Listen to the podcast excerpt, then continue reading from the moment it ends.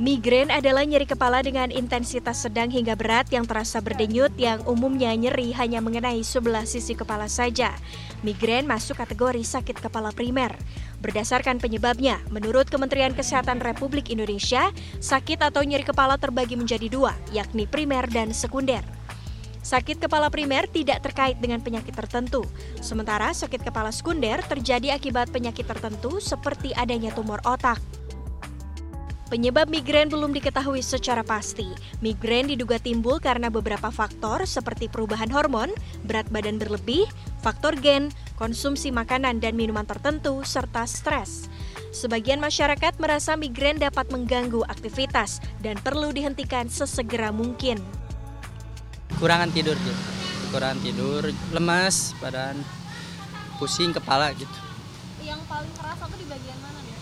Biasanya sih awalnya dari belakang gitu. Dari belakang gitu pusing. Kalau migrain itu banyak minum sama makan aja saya jarang ke dokter. Gitu. tapi kadang-kadang kalau udah parah sih paling ke dokter gitu. Paling tidur doang. Udah kalau udah tidur ya udah mulai enakan. Yang paling kerasa di bagian mana pas kepalanya? Uh, sebelah sini kepala belakang gini. Ya gitu. Oh migrain kerasanya gimana? Kayak banget atau uh, Ah, uh, uh, pusing banget uh, poek lah sana kalau orang Sunda mah.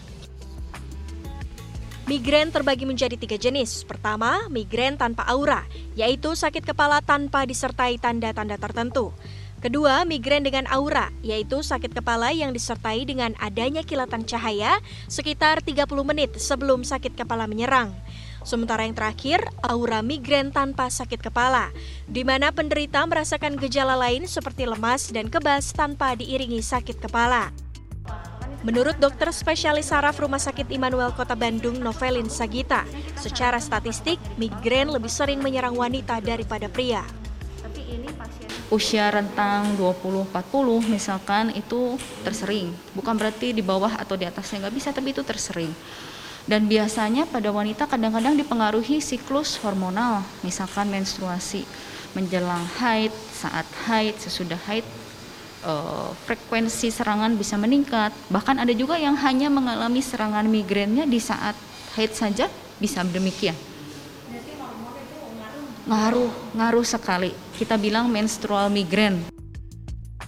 Penanganan migrain dilakukan tergantung pada frekuensi tingkat keparahan migrain serta kondisi kesehatan pengidap migrain.